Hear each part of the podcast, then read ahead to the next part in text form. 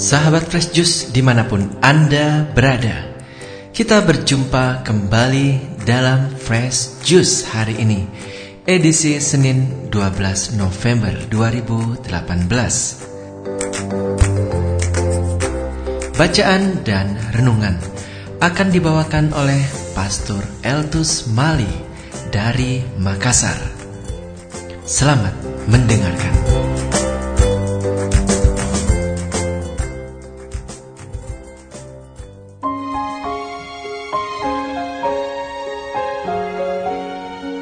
Saudara-saudari yang dikasihi dan diberkati Tuhan di mana pun Anda berada.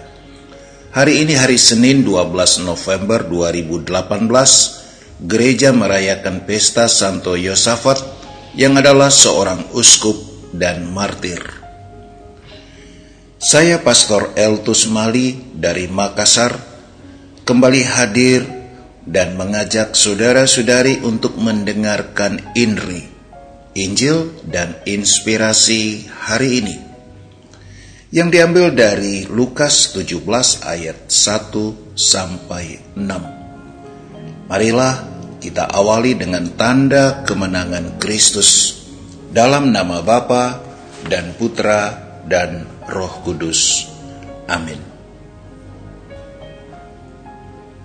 Suatu ketika Yesus berkata kepada murid-muridnya,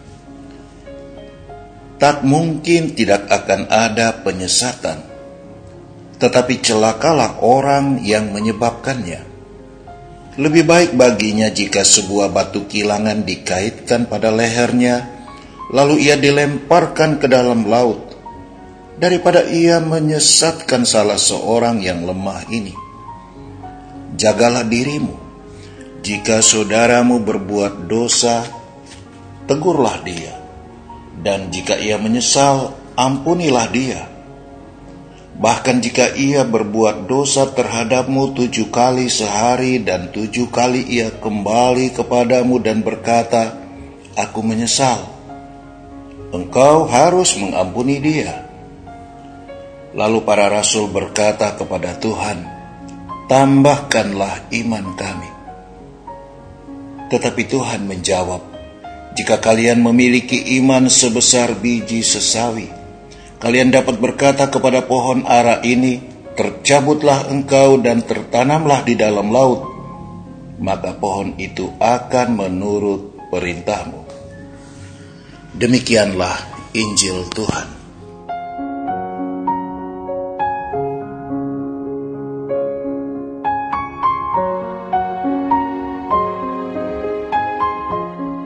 Saudara dan saudari, perikop Lukas pasal 17 ayat 1 sampai 6 yang baru saja kita dengar tadi. Sesuai judulnya, mengutarakan beberapa nasihat Yesus. Yang pertama, nasihat yang terkait dengan penyesatan. Yang kedua, tentang pengampunan. Dan yang ketiga atau yang terakhir, perihal kekuatan iman. Kali ini cukuplah kita fokus pada nasihat yang pertama, yakni perihal penyesatan. Yesus mengingatkan para murid untuk tidak menjadi sumber penyesatan, karena pelaku penyesatan lebih baik sebuah batu kilangan diikatkan pada lehernya lalu dilemparkan ke dalam laut. Nasihat ini menjadi sangat baik bagi kita para murid Tuhan zaman sekarang ini yang kerap kali hidup dalam aroma penyesatan yang kerap kali lumayan dahsyat. Penyesatan seperti itu terjadi juga di dalam gereja. Misalnya yang dialami Santo Yosafat Kunsewicz yang kita rayakan pestanya hari ini. Di masa hidupnya pada abad ke-17, ia menyaksikan kehidupan gereja yang terancam perpecahan atau skisma yang mengakibatkan begitu banyak umat yang terhimpun dalam gereja-gereja hendak melepaskan diri dari ikatan dengan gereja Katolik Roma di bawah pimpinan Paus. Syukurlah berkat usahanya sebagai seorang uskup yang gigih dan berani untuk memberantasi segala bias dan penyesatan yang terjadi saat itu. Ia berhasil mempersatukan kembali gereja-gereja Katolik Rusia untuk kembali ke pangkuan induknya, Gereja Katolik Roma. Namun keberhasilan ini harus dibayar mahal, yakni dengan nyawanya sendiri. Ia akhirnya dibunuh oleh para penyebar skisma, lalu wafat sebagai seorang martir gereja pada tanggal 12 November 1623 di kota Vitebsk, kota benteng pertahanan kaum skismatik pada waktu itu. Saudara-saudari, sebagai umat gereja, kita pun mengalami banyak penyesatan dan kesesatan seperti halnya yang dialami oleh Santo Yosafat meskipun konteksnya bukan terutama terkait dengan skisma atau ajaran sesat, melainkan dalam ke konteks kehidupan sosial, politik, ekonomi, dan lain sebagainya. Penyesatan itu terjadi bahkan secara masif dan terstruktur. Kita bisa menjumpai itu dalam percakapan dan diskusi ataupun melalui media sosial, koran, televisi, media online, dan lain sebagainya.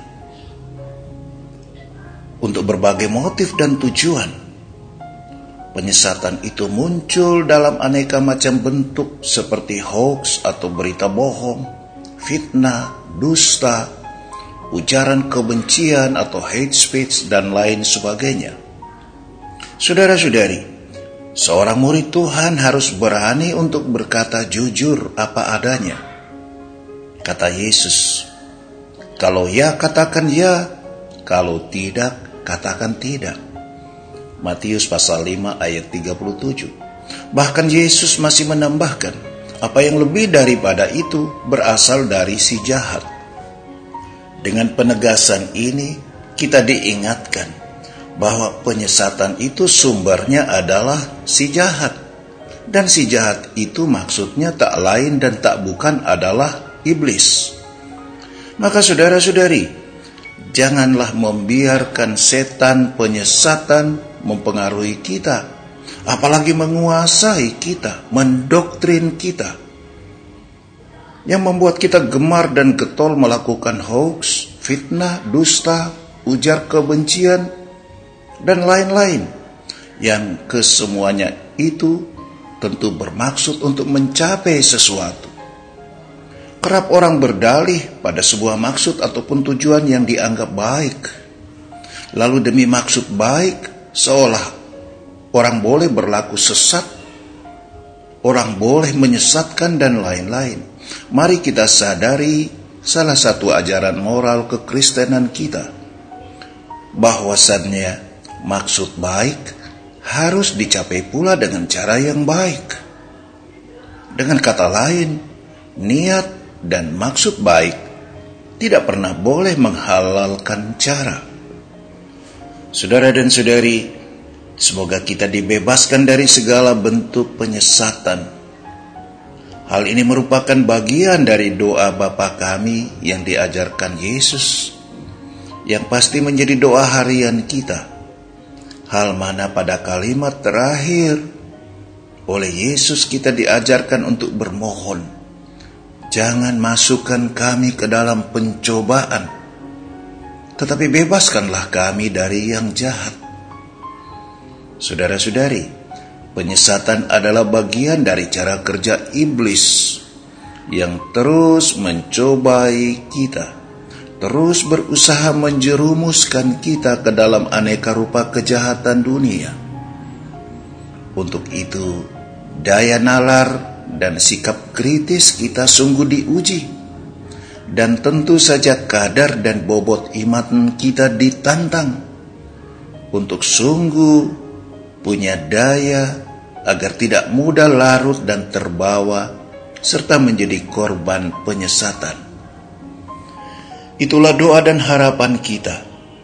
Dalam nama Tuhan dan kuat kuasanya, dan juga berkat pertolongan doa Santo Yosafat yang kita rayakan pestanya hari ini. Kita percaya kita pasti dibebaskan dari jeratan iblis yang sesat dan menyesatkan. Amin. Saudara-saudari, demikianlah Inri, Injil dan inspirasi hari ini. Tuhan Yesus memberkati Anda sekalian bersama dengan segenap keluarga, seluruh usaha dan pekerjaan. Berkat Tuhan menyertaimu dalam nama Bapa dan Putra dan Roh Kudus. Amin. Sahabat Fresh Juice, kita baru saja mendengarkan Fresh Juice Senin 12 November 2018. Segenap tim Fresh Juice mengucapkan terima kasih kepada Pastor Eltus Mali untuk renungannya pada hari ini. Sampai berjumpa kembali dalam Fresh Juice edisi selanjutnya. Tetap bersuka cita dan salam Fresh Juice.